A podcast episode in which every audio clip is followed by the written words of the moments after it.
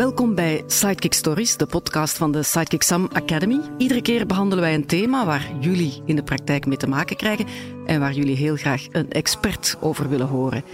Deze keer hebben we het over missen en herinneren, of met andere woorden, rouwen.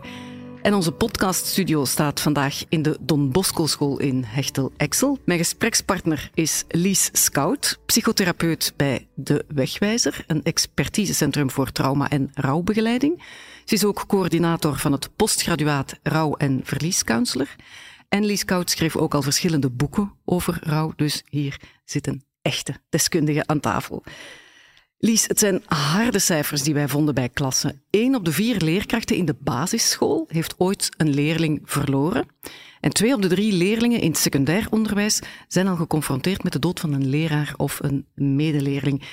Dat is al heel veel verlies op jonge leeftijd, vind ik. Zijn die cijfers al jaren zo of, zit daar een evolutie in? Het verbaast mijzelf ook dat wanneer ik zelf opzoekwerk doe om te kijken hoeveel kinderen hebben er nu al dan niet al een ouder verloren, dat dat eigenlijk niet bijgehouden wordt. Dus die cijfers kunnen zelfs in mijn ogen nog veel hoger liggen dan de cijfers die dat er nu zijn.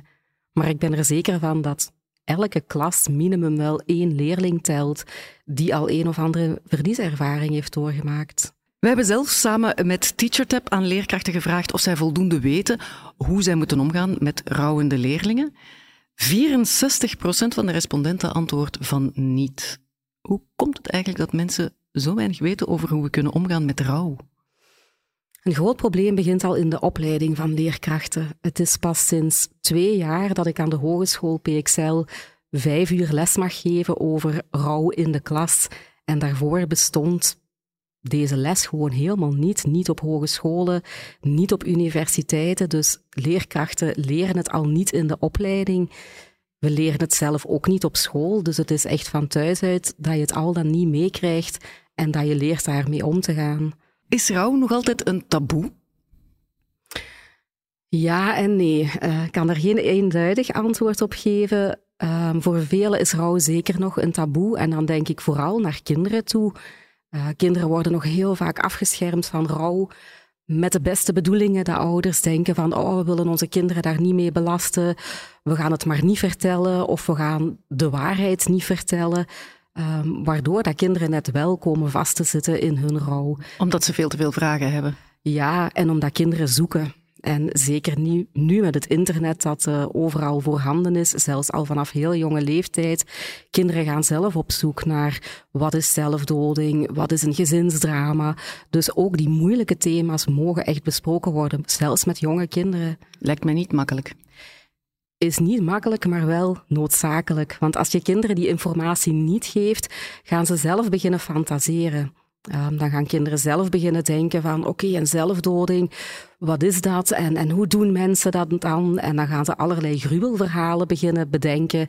En dan heb je net als leerkracht of als ouder geen controle meer. Dat is hetzelfde eigenlijk als wanneer ouders zeggen over de grootouders die overleden zijn, ze zijn aan het slapen voor altijd of zo? Ja, een absolute dooddoener. Uh, mag je zeker niet zeggen tegen kinderen, want dan riskeer je dat kinderen bang gaan worden om zelf te gaan slapen. Bang dat ze dan zelf ook niet meer wakker gaan worden en in een kist onder de grond belanden. Dus nee, dood zijn heeft niks te, niks te maken met slapen voor altijd. Kun je taboe rond doorbreken op een of andere manier? Je ziet het ook wel bij bepaalde influencers die bijvoorbeeld een stilgeboren kind hebben, die dan ook accounts openen en daar dan uh, over praten eigenlijk. Hè? Ja, en het zijn die die dat we ook echt nodig hebben. Um, erg dat we influencers en BV's mm. nodig hebben om dit thema alsmaar meer terug bespreekbaar te maken. Maar het is echt nodig, uh, zeker als we onze kinderen en jongeren goed willen kunnen begeleiden en dat we bij hen de dood normaal kunnen maken. Je gaf het al aan dat het belangrijk is dat kinderen op jonge leeftijd te maken krijgen met verlies. Hoe leer je dat? Mijn hoop zou zijn dat er van in de kleuterschool al rondgewerkt wordt rond missen, afscheid nemen. Inderdaad, of het nu gaat over een vriendje die van school verandert. Kan ook, dat is al zijn, een eerste ja. verlieservaring mm. voor kinderen. Een, een, huisdier dat sterft, um, een vluchtelingenkindje dat in de klas zit en dat terug naar het land van herkomst moet. Ook dat zijn allemaal al kleine verlieservaringen, maar die wel al een grote impact kunnen hebben op kinderen. Dus ook daar aandacht aan geven in de klas En kringgesprekken? Ja, het thema afscheid en, en afscheid nemen en verliezen en missen als een heel normaal lesthema beschouwen. Ik neem aan dat er ook hele goede kinderboeken over bestaan. Er bestaan ontzettend veel kinderboeken over elke vorm van rouw of verlies. Dus uh, ja, ga naar de bibliotheek en je hebt direct heel veel input als leerkracht om ermee aan de slag te gaan. Vroeger is altijd gezegd, rouw kun je opdelen in vijf fasen. Ontkenning, boosheid, onderhandelen, depressie en aanvaarding. Dat hield dus in dat je leerlingen ook per fase moest begeleiden. Maar tegenwoordig klinkt dat een beetje achterhaald. Wat vind jij daarvan? Er zit zeker een stukje informatie in die zeker nog klopt. Ik bedoel, we maken allemaal momenten door dat we boos zijn, dat we het niet kunnen geloven, dat we echt iemand verloren zijn. Maar gelukkig spreken we de dag van vandaag niet meer van die rouwfase, maar spreken we eigenlijk van een, een soort slingerbeweging. Dat noemt het duaal procesmodel, duaal twee kanten. Dus we slingeren tussen twee kanten. Enerzijds alles wat met het verlies te maken heeft, wie ben ik verloren? Wie was die persoon voor mij? Wat deden wij allemaal samen? Welke herinneringen heb ik aan die persoon? En anderzijds, en hoe ga ik nu verder met mijn leven? Hoe zorg ik ervoor dat ik terug naar de sportclub kan gaan, dat ik terug naar de Giro, naar de scouts kan gaan, zonder mij heel de tijd verdrietig te vinden? Dat ik mezelf toelaat om terug op stap te gaan en plezier te mogen maken. Zonder daar schuldig over te voelen. Zonder daar schuldig over te voelen. Dus rouwen is eigenlijk het voortdurend heen en weer slingeren tussen die twee kanten. En het is niet of het een of het ander, maar het is en-en. Jij noemt het een slinger, maar ik dacht, en jij bent experte, maar ik dacht aan een cirkelbeweging ook. Rouw kan zo blijven terugkomen soms op een moment dat je het niet meer verwacht ook. Ja, rouw blijft altijd terugkomen. Um, dat is ook wat mensen willen. Um, stel dat je zou kunnen zeggen, rouwen kent een eindpunt, mm. dan wil dat ook zeggen dat de herinnering aan iemand die je mist een eindpunt kent. En dat willen we niet. Tuurlijk willen we degene die we verloren zijn voor altijd aanwezig houden in ons leven. Dus het blijft altijd terugkomen. Minder en minder naar gelang de tijd verder gaat, omdat we nieuwe ervaringen opbouwen, omdat we nieuwe vriendschappen aangaan en zo verder. Maar altijd op die specifieke mijlpalen, ploep, is het daar weer ineens. Dus de tijd heelt een beetje de wonden of niet? Nee, de tijd zelf heelt geen wonden, maar wel wat je in die tijd doet. En als je ervoor zorgt, zeker als, als kind of als jongere, dat je je leven verder zet en, en dat je bij wijze van spreken knipoogt naar waar dan ook en zegt van ik ga ervoor zorgen dat ik lekker verder leef, zodat ik jou kan blijven eren en aanwezig houden in mijn leven. Dat zijn de ervaringen die we nodig hebben om terug verder te geraken. Verdriet heeft liefde en lef nodig, dat zegt rouwpsychiater en ervaringsdeskundige Uus Knops. Hoe moeten we dat juist interpreteren? Ja, ik denk vooral naar jongeren toe vraagt het lef. Uh, mijn ervaring vanuit de praktijk is dat jongeren heel erg naar binnen keren vaak. Uh, want wij als volwassenen, ja, wij zijn de bedweters. Wij zijn degene die met goede raad komen, terwijl de jongeren alles zelf willen ontdekken. Wat heel belangrijk is, dat ze zoveel mogelijk zelf ontdekken.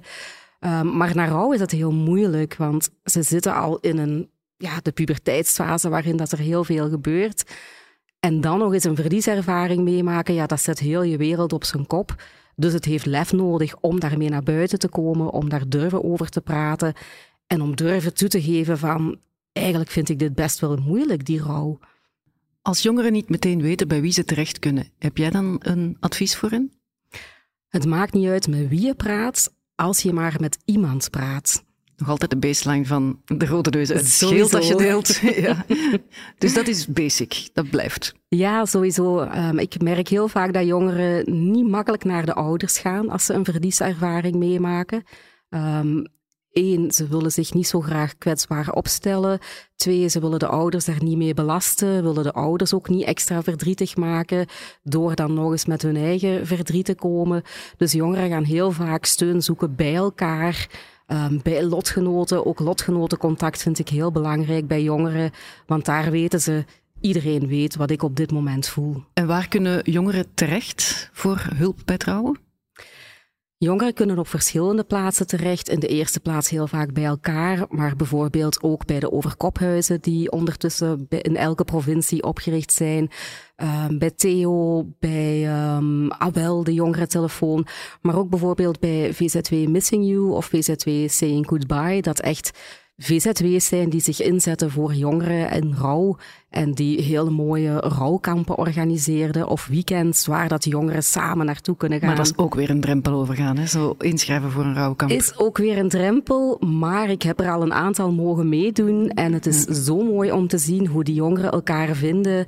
En als er iemand een woedeuitbarsting krijgt, wordt er gewoon gekeken van, ik snap jou helemaal. Volgens Anne Hoge, klinisch psychologe en oprichter van de gespecialiseerde praktijk Verbinding in Verlies, komt zogenaamd verlaat verdriet vaak voor bij wie als kind een ouder verloor. Hoe komt dat? Ik denk dat dat opnieuw te maken heeft met het feit dat er nog veel te weinig over gesproken wordt bij kinderen en dat er heel snel van uitgegaan wordt van ze zijn nog zo jong, ze zijn nog zo klein, ze gaan hier wel vanzelf terug doorkomen. Um, heel vaak zie ik ook bij kinderen dat zij hun andere ouder die wel nog leeft, dat zij die gaan sparen. Dus dat zij eigenlijk zich heel flink gaan houden, zichzelf een beetje wegstoppen, denkende van ik wil papa of mama het niet nog moeilijker maken. Dus ik ga degene zijn die zich heel sterk houdt in het gezin.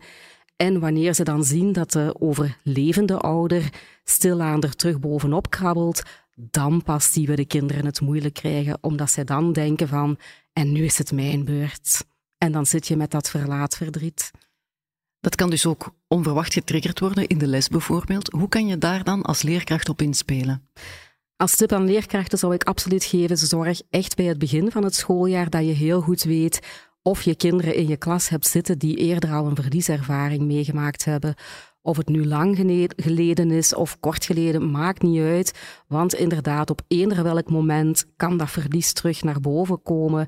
En kunnen kinderen het out of the blue heel erg moeilijk krijgen in de klas. Dus dan is het belangrijk dat je als leerkracht weet van oké, maar dit is mogelijk gelinkt aan die eerdere verlieservaring. Ik denk dan dat het niet makkelijk is voor leerkrachten, omdat heel veel jongeren al iets in hun rugzakje hebben zitten. En soms kan het ook andere triggers zijn, zoals armoede of een zieke ouder of zieke broer en zus, ik zeg maar wat. Dus het echt vermijden lijkt mij toch niet mogelijk. Het is heel moeilijk om het te vermijden in de les, maar je kan bijvoorbeeld wel, als ik nu denk aan een, een jongere die haar moeder verloren had in een heel zwaar ongeluk en dat te maken had met een brandend voertuig, dan is het natuurlijk not done dat je als leerkracht een maand na dat ongeluk een film gaat vertonen waarin een brandend voertuig is te zien waar iemand nog probeert uit te geraken. Dus dat soort dingen kan je echt wel proberen te vermijden, maar je kan natuurlijk niet alles vermijden, omdat je heel vaak ook de details niet weet van hoe dat iemand een ouder of iemand anders verloren heeft. Er bestaat ook nog een ander soort rouw, dat is anticiperende rouw, dus waarbij je het verlies van een bepaalde vooropgestelde toekomst ervaart. Dat klinkt heel moeilijk, maar dat gaat bijvoorbeeld over angst voor het klimaat, niet mogen studeren wat je zelf wil, dat soort mhm. zaken. Hoe kunnen leerkrachten daarmee omgaan? In de eerste plaats vooral erkenning geven dat dit ook verlies is. We noemen dit soms ook wel het, het levende verlies, dat niks te maken heeft met, met een overlijden of met de dood, maar wel met dingen die, die je verliest op dit moment in je leven. Kunnen we dat ook niet gewoon angsten noemen? Nee, want het kan ook bijvoorbeeld zijn um, een, een, jongere die plotseling de diagnose krijgt van uh, zwaar epileptisch te zijn en die daardoor te horen krijgt van je gaat nooit je rijbewijs mogen halen en je gaat nooit met de wagen mogen rijden. Laat dat dan net iemand zijn die hoopte in de mediawereld te kunnen stappen en daarvoor echt wel een wagen nodig heeft, ja, dan valt heel die droom in duigen. Leerlingen kunnen ook rouwen om iets heel anders, om in de genre van wat je net zegt, zaken die ze niet meer zelf kunnen, dus bijvoorbeeld door ziekte of een ongeval. Hoe leer je hen daarmee omgaan? Ik denk dat het belangrijk is dat we jongeren ook leren van niet enkel te focussen op wat je niet meer kan, maar ook vooral in te zetten op de sterkstes van oké, ondanks de dingen die je niet meer kan, maar wat kan je wel nog? Laten we zoveel mogelijk die sterktes ook in beeld brengen en samen met jongeren gaan zoeken van zijn er andere opties, zijn er andere sporten die je wel nog kan doen. Ehm, en toch ook de kans geven om eens ferm te vloeken, neem ik aan. Absoluut. Laat jongeren gewoon eruit flappen wat ze willen. Dat is het eerste wat ik tegen jongeren zeg als ze bij mij komen van hier mag je vloeken, hier hoef je niet op je taal te letten, hier mag het eruit komen zoals je wil. En wat met dat knagende gevoel van gemis, hoe zet je dat om in herinneren? Bijvoorbeeld na een overlijden, maar evengoed na een scheiding, als je een ouder mist of broers en zussen, een dier? Er zijn heel verschillende mogelijkheden en het hangt ook heel erg samen met de leeftijd van een kind. Een, een kleuter kan je al sneller een, een, knuffelbeer meegeven of een bepaald kledingstuk. Stel dat het gaat over een scheiding, dan kan je een knuffelbeer met de parfum van de mama meegeven, zodat die toch nog de geur bij zich heeft. En zo evolueren die dingen naarmate dat je ouder wordt. Um, er is een hele mooie app, Mijn herinnering aan jou uh, die we gemaakt hebben en waarin kinderen en ook jongeren zelfs um, allerlei foto's kunnen maken in hun eigen virtuele leefwereld, waar dat ze liedjes kunnen aanlinken van YouTube, waar dat ze zelf tekstjes kunnen inspreken. Dus creativiteit is ontzettend belangrijk om die herinnering aanwezig te houden. Of het nu gaat door een foto in de klas op te hangen, um, door een bepaald voorwerp mee naar de klas te nemen, of zelfs een denksteen in je broekzak te steken. Dat is al subtieler, want veel van die dingen zijn heel aanwezig en heel uiterlijk. Terwijl ik kan mij voorstellen dat heel veel jongeren het liever een beetje bij zich houden. Ja, het kan evengoed een sleutelhanger zijn, um, iets achter je, je hoesje van je gsm dat je stopt, dan hoeft zelfs nog niemand het te zien. Of um, als achtergrond van je, van je telefoon een bepaalde foto als herinnering zetten. Dus het kunnen zeker ook heel subtiele dingen zijn. Hoe mild moet je zijn voor leerlingen die iets of iemand moeten missen? Want ja, rouwende mensen, we weten het allemaal, kunnen zich een beetje minder goed concentreren, omdat het verdriet natuurlijk zo'n grote plaats inneemt. Dus verstrooid zijn, een beetje afwezig zijn, prikkelbaar en zo. Wat moet je als leerkracht door de vingers kunnen zien? Zoveel mogelijk alles gewoon houden. Uh, er verandert al zoveel in het leven van kinderen en jongeren wanneer ze iemand moeten verliezen of een andere soort verlieservaring meemaken. Als je dan ook nog eens op school zoveel dingen gaat veranderen in de zin van je hoeft die toets niet mee te maken of die taak, ach je krijgt een week extra uitstel. Um, noemen we een beetje het creëren van prinsen- en prinsessengedrag. Dan bestaat het risico dat ze daar op den duur ook wel de voordelen van beginnen zien. Niet slecht bedoeld, um, maar dan is het moeilijk om snel terug in die routine te geraken. Maar het geeft ook een soort van begrip aan voor de jongeren in kwestie. Absoluut. En er zijn zeker jongeren die daar echt nood aan hebben. Um, jongeren die bijvoorbeeld in het begin halve dagen naar school gaan. Um, stel dat een, ik heb het onlangs meegemaakt, twee jongens die hun mama verliezen in het midden van de examens op het einde van het schooljaar. Ja, dan ga je niet als school zeggen en toch zal je die examens meemaken. Dan kijk je naar de punten van het voorbije jaar en dan zeg je oké, die zijn helemaal goed. Je gaat gewoon over naar het volgende jaar. Dus absoluut, mildheid is belangrijk. En het is vooral uitzoeken wat is het beste voor welke jongeren. Soms weet je ook gewoon niet dat leerlingen aan trouwen zijn, omdat ze het niet zeggen, vaak omdat ze niet willen opvallen, niet anders willen zijn, want dat is ook heel belangrijk. Of, of ook gewoon denken, eh, leerkrachten, wat weten jullie er nu van? Jij kunt toch nooit weten hoe ik mij voel? Hoe zorg je dan als leerkracht dat jouw voelsprieten scherp genoeg zijn om toch dit soort zaken op te merken en ermee te kunnen aan de slag gaan? Ik zou in de eerste plaats hopen dat het ergens toch wel in een leerlingendossier genoteerd staat en dat dat jaar na jaar meegenomen wordt, zodat leerkrachten wel echt kunnen kijken welke leerlingen dat ze in hun klas hebben. Maar dat wil niet zeggen dat je er iets mee moet doen in de klas. Want je hebt evenzeer kinderen en jongeren die zoiets hebben van op school wil ik gewoon mezelf zijn en wil ik niet bekeken worden als ocharme, degene die een verlies heeft meegemaakt. Daar wil ik gewoon lies kunnen zijn in mijn geval. Dus het is niet altijd noodzakelijk dat je, je er de spotlight erop zetten. Nee. Maar het is wel handig als een zorgcoördinator of zo het bijvoorbeeld weet en discreet ja. inzendt aan andere leerkrachten. Ja, en opnieuw ga daarover met je leerling in gesprek als je opvangt. Soms kan dat ook zijn dat klasgenoten iets komen vertellen van oh, mevrouw, meneer, die heeft het moeilijk of we horen dat hij dit heeft meegemaakt. En dat je het als leerkracht aanbiedt aan je leerlingen van weet dat ik er ben, maar als je niet met mij wil komen praten, er is een andere vertrouwenspersoon of we gaan samen zoeken bij welke leerkracht dat jij je wel goed voelt. Opnieuw, als er maar iemand is. In hoeverre is het een goed idee om als leerkracht om een eigen verhaal te delen, om te tonen dat je je wel kunt inleven in het verlies van een leerling?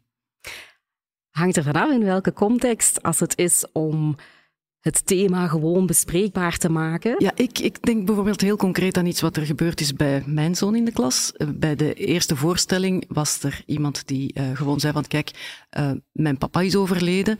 En die leerkracht begon een verhaal te vertellen over eigen rouw en dat kwam niet zo goed binnen. Nee, want dan gaat een kind al heel snel de reflex hebben van oké, mijn verhaal op zich is niet belangrijk genoeg of er wordt niet voldoende aandacht besteed aan hoe het voor mij is, want het gaat onmiddellijk over iemand anders. Dus ik zou zeggen, ja, in de eerste plaats heel veel ruimte aan dat kind zelf geven en het kind laten vertellen in de klas uh, waar het allemaal mee zit. En eventueel de vraag stellen van, kijk, de juf of de meester heeft ook al zoiets meegemaakt. Zou je het fijn vinden als de juf daar iets over vertelt of heb je liever van niet? Hoe ver ga je daarin als leerkracht in emoties delen? Hmm, boeiende vraag. Ik denk, Doe het als je voelt dat je er zelf oké mee bent om het te doen. Uiteraard mogen kinderen en jongeren echt wel zien van mijn leerkracht is ook maar gewoon een mens die emoties heeft en is een volwassene die emoties laat zien. Daarmee tonen we aan kinderen van het is oké om verdrietig of boos of wat dan ook te zijn als je een verlies meemaakt. Maar je moet wel zorgen dat je het onder controle hebt, dat je niet ineens jezelf helemaal verliest in de klas want dat is natuurlijk weer een ander signaal dat je ja, geeft. Ja, dat, dat kan niet natuurlijk. Wat doen mensen vaak verkeerd om rouwende mensen te willen helpen? Ik denk bijvoorbeeld zelf direct aan de dooddoener. Ach, het komt wel goed. Ja, komt wel goed. Um, het heeft even tijd nodig en dan zal het wel beter gaan. Um, je mama zal vast wel een nieuwe papa voor je vinden. Um, ook in scheidingen van, ach, wees blij dat je je beide ouders nog hebt. Dat soort dingen. Of als je een broertje of zusje verliest van, wie weet maken papa en mama wel een nieuw broertje of zusje voor jou.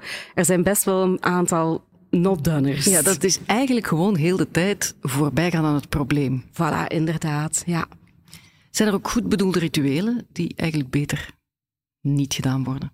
Zorg dat als je iets wil doen in de klas, dat je dat bespreekt met de betrokken leerling.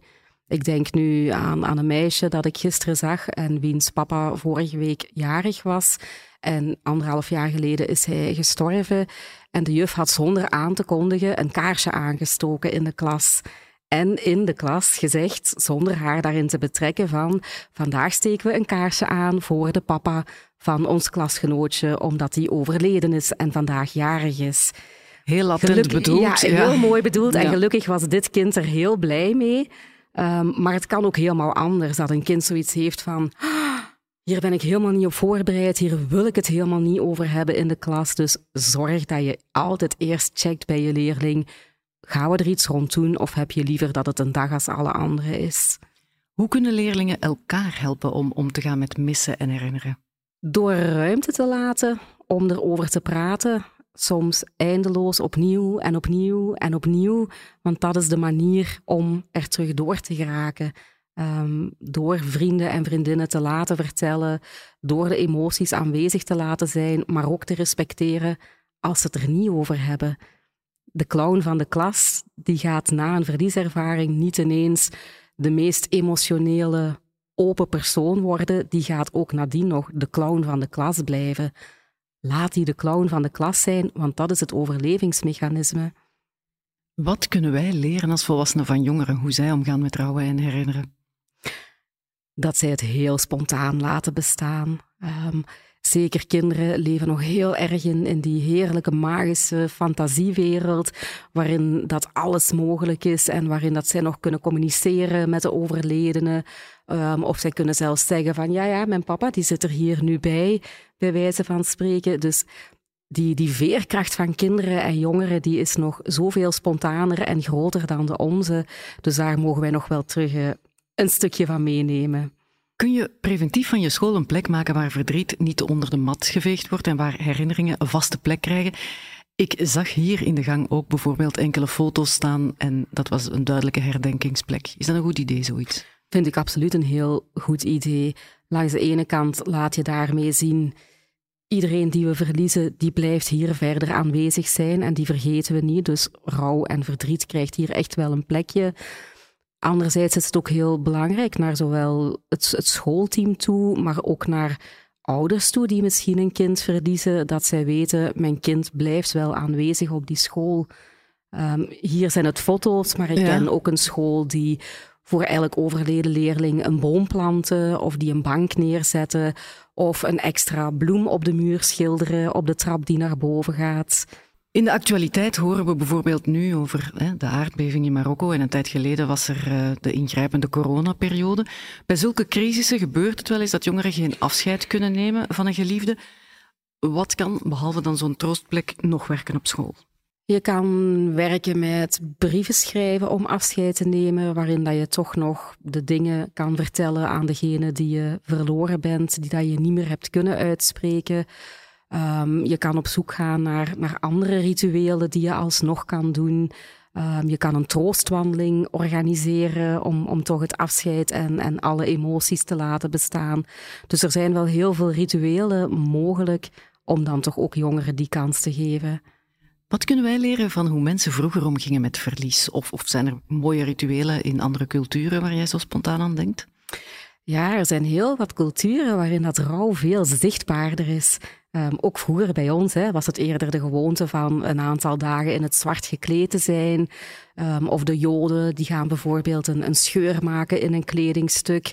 Um, dat zijn allemaal heel mooie, zichtbare rituelen, waardoor dat de omgeving ook onmiddellijk ziet oké, dat is een familie die in rouw is. En dat is een stukje dat wij kwijtgeraakt zijn. Bij ons uh, kan het tegenwoordig soms niet groot genoeg zijn en, en moet het bijna een, een feest of een, een fuif in een café worden in plaats van een koffietafel. Ik zou vooral zeggen, alles is oké en zoek vooral naar manieren die bij jouw familie passen of bij degene waar dat je afscheid van neemt. Welke rol kunnen creatieve zaken spelen bij rouwverwerking? En dan bedoel ik muziek maken, teksten schrijven, tekeningen maken een heel grote rol. Um, rouwen doen we niet alleen met ons hoofd door erover te spreken, maar doen we ook heel erg met ons lichaam. Dus alles van creativiteit komt letterlijk ook uit ons lichaam voortgevloeid en kunnen we um, een, een mooi kunstwerk maken of een, een schilderij waar dat we onze emoties in kunnen uiten. Jongeren gaan heel vaak uh, songteksten schrijven, gaan hun eigen nummers maken om hun emoties een plekje te kunnen geven of een mooi gedicht maken. Dus ja, creativiteit is absoluut heel belangrijk. Leerlingen kunnen ook met vragen zitten naar verlies van mensen of van fysieke vaardigheden na ongeval, dus verlies in alle opzichten. Hoe reageer je als leerkracht best als jongeren daarmee komen aankloppen bij jou? En dan bedoel ik bijvoorbeeld, wat als ze net een ruzie hadden met iemand, net voor die persoon van school veranderde, overleed? Dat zijn de hele moeilijke zaken, hè? want dan, dan zit je heel vaak uh, direct met een groot schuldgevoel als, als je achterblijft nadat je zo'n ruzie hebt gehad. In hoofdletters en met flikkerlichten. Absoluut, sowieso. Maar dat schuldgevoel mag er zijn. Ik ga nooit zeggen, je hoeft je niet schuldig te voelen. Want een gevoel, daar kies ik zelf voor om mij zo te voelen. Maar er is wel een groot verschil tussen je schuldig voelen of echt schuldig zijn. En je bent niet schuldig aan de dood van iemand omdat je net ruzie hebt gehad. Dus heel erg dat verschil maken, maar wel ruimte geven aan het schuldgevoel dat er mag zijn. Ook een vorm van rouw. Wat als ze met een gebroken hart komen van een afgesprongen relatie? Liefdesverdriet, enorme rouw, absoluut. Nu, ik denk eerlijk gezegd dat jongeren daar niet zo snel mee naar een leerkracht gaan stappen, maar je kan wel de impact zien als leerkracht in je klas als je een leerling hebt die een zware liefdesbreuk doormaakt. Um, dus ook opnieuw, als je het opvangt, als je er weet van hebt, durf het even benoemen en durf te zeggen: Ik kan me inbeelden dat dit voor jou op dit moment heel moeilijk is. Als ik iets voor je kan doen, laat ons samen zoeken of je weet de weg te vinden naar de vertrouwenspersoon. Als je daar ook tijdens de les even naartoe wil, doe gerust. Maar zeg niet, de zee zit vol vissen. Absoluut niet. Dat helpt niet op dat moment. Wat als ze zich eigenlijk best goed voelen een verlieservaring, maar zich daardoor net heel schuldig gaan voelen? Ook dat zien we heel vaak bij jongeren. Uh, jongeren die zich schuldig voelen als ze voor de eerste keer terug uitgaan en heel veel plezier hebben op een fuif. En dan s'nachts thuiskomen en denken van... Hoe erg is dit dat ik mij zo geamuseerd heb terwijl dat we net iemand verloren hebben? Maar opnieuw, het is door het aangaan van nieuwe ervaringen, door nieuwe herinneringen te maken, dat we leren met het verlies terug verder te leven. Maar ook het is een gewoon gevoel dat er opnieuw mag zijn. En waar dat zij ook aan moeten wennen dat het oké is om plezier te maken nadat je iemand verloren bent. Wat als ze rouwen om iemand die ze niet persoonlijk kennen? En dan denk ik bijvoorbeeld aan iemand mega populair, een, een muzikant die uit een groep stapt of overlijdt in het slechtste geval. In de psychologische termen noemen we dat de parasociale rouw. Parasociale rouw. Parasociale rouw. Ja, dus het heeft echt wel een naam. Het is niet zomaar iets dat er verzonnen wordt. En kan ook echt wel een heel grote impact hebben. Um, ik denk nu maar bijvoorbeeld op dit moment hè, aan, aan Billie Eilish, de, de grote idool van heel veel jongeren. Waarom zouden zij gaan rouwen als er met haar iets gebeurt? Voor alle duidelijkheid, het is niet het geval. Het is zeker niet het geval. Dit voorbeeld. dat het ook niet gaat gebeuren. Maar waarom zouden zij daarover kunnen gaan rouwen? Moest er iets gebeuren met haar? Dat is omdat zij zich zo goed herkennen in haar. Het is een soort vriendin. Voilà, ze zien haar als een vriendin. Ze weten van, oké, die woont daar. Dan speelt hij een show hier, die speelt een show daar. Dus ze kunnen een stukje mee in haar leven. En zij zingt en zij praat over dingen die in hun leefwereld zitten. Dus ze hebben een enorme connectie. En als die ineens wegvalt, ja, dan is het een verlies van die connectie en van die erkenning. Jongeren kunnen ook heel diep gaan, dat weten we. Wat als ze naar jou komen met de vraag: wat is de zin van het leven? Moet je daar dan als leerkracht op antwoorden of stuur je ze door? Je kan er een gesprek over aangaan, maar als je echt merkt dat een jongere daar helemaal in vastzit en eerder vast komt te zitten in het stuk ik zie geen enkele zin meer in het leven, dan zou ik zeggen, ja, dan is het echt hoog tijd om uh, professionele hulp te zoeken. Want dan kan het heel donker worden. Hè? Dan kan het heel donker worden, ja. Wat is zo de eerste doorverwijzing waar jij dan aan denkt als leerkracht? Als iemand echt zo diep zit, dan zou ik toch echt wel uh, richting een gespecialiseerde rouwtherapeut gaan, um, zodat jongeren echt wel onmiddellijk op de juiste plaats terechtkomen. 1712 bellen? Absoluut, is zeker ook een optie. Je kan ook als leerkracht echt wel desnoods een, een lijstje meegeven met een aantal websites, telefoonnummers waar dat ze dag en nacht hulp kunnen zoeken, zodat de jongeren ook weten van oké, ik heb een aantal redmiddelen in de hand als ik echt op dat allerdonkerste punt kom. Licht je dan ook de ouders in? Als ik weet heb van een jongere die echt richting suicidaliteit dreigt, ja, dan vind ik het zelfs onze plicht om daar verder iets mee te doen. Want anders zijn wij zelf schuldig aan hulpverzuim. Um, dus ja, dan vind ik het onze plicht, maar wel altijd in overleg met de jongeren en met medeweten van de jongeren. Dit is natuurlijk een hele zware om mee af te ronden. Dus ik zou zeggen, Lies, wat ik vooral onthouden heb bij jou is dat je zegt dat elke vorm van rouw oké is en dat het ook zo lang kan duren als het nodig heeft. Met rituelen die bij jou passen of bij die bepaalde leerling passen en zo. En dat het dus echt maatwerk is. Absoluut. Er bestaat geen handleiding voor rouw. Um, elk rouwproces is voor iedereen anders. Dus het is heel erg zoeken en afstemmen op de persoon waar dat je mee samenwerkt of met de leerling die je in je klas hebt.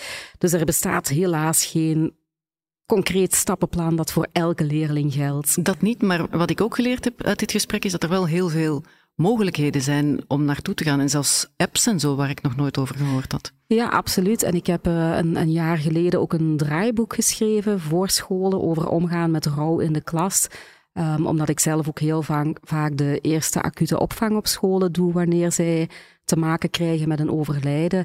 En omdat het altijd dezelfde dingen zijn die terugkomen, heb ik het in een, een heel praktisch en concreet draaiboek gegoten, zodat scholen echt letterlijk bijna minuut per minuut kunnen kijken, oké, waar moeten we aan denken, wat kunnen we doen, creatieve opdrachten, rituelen die je kan uitwerken. Dus uh, een heel inspiratieboek.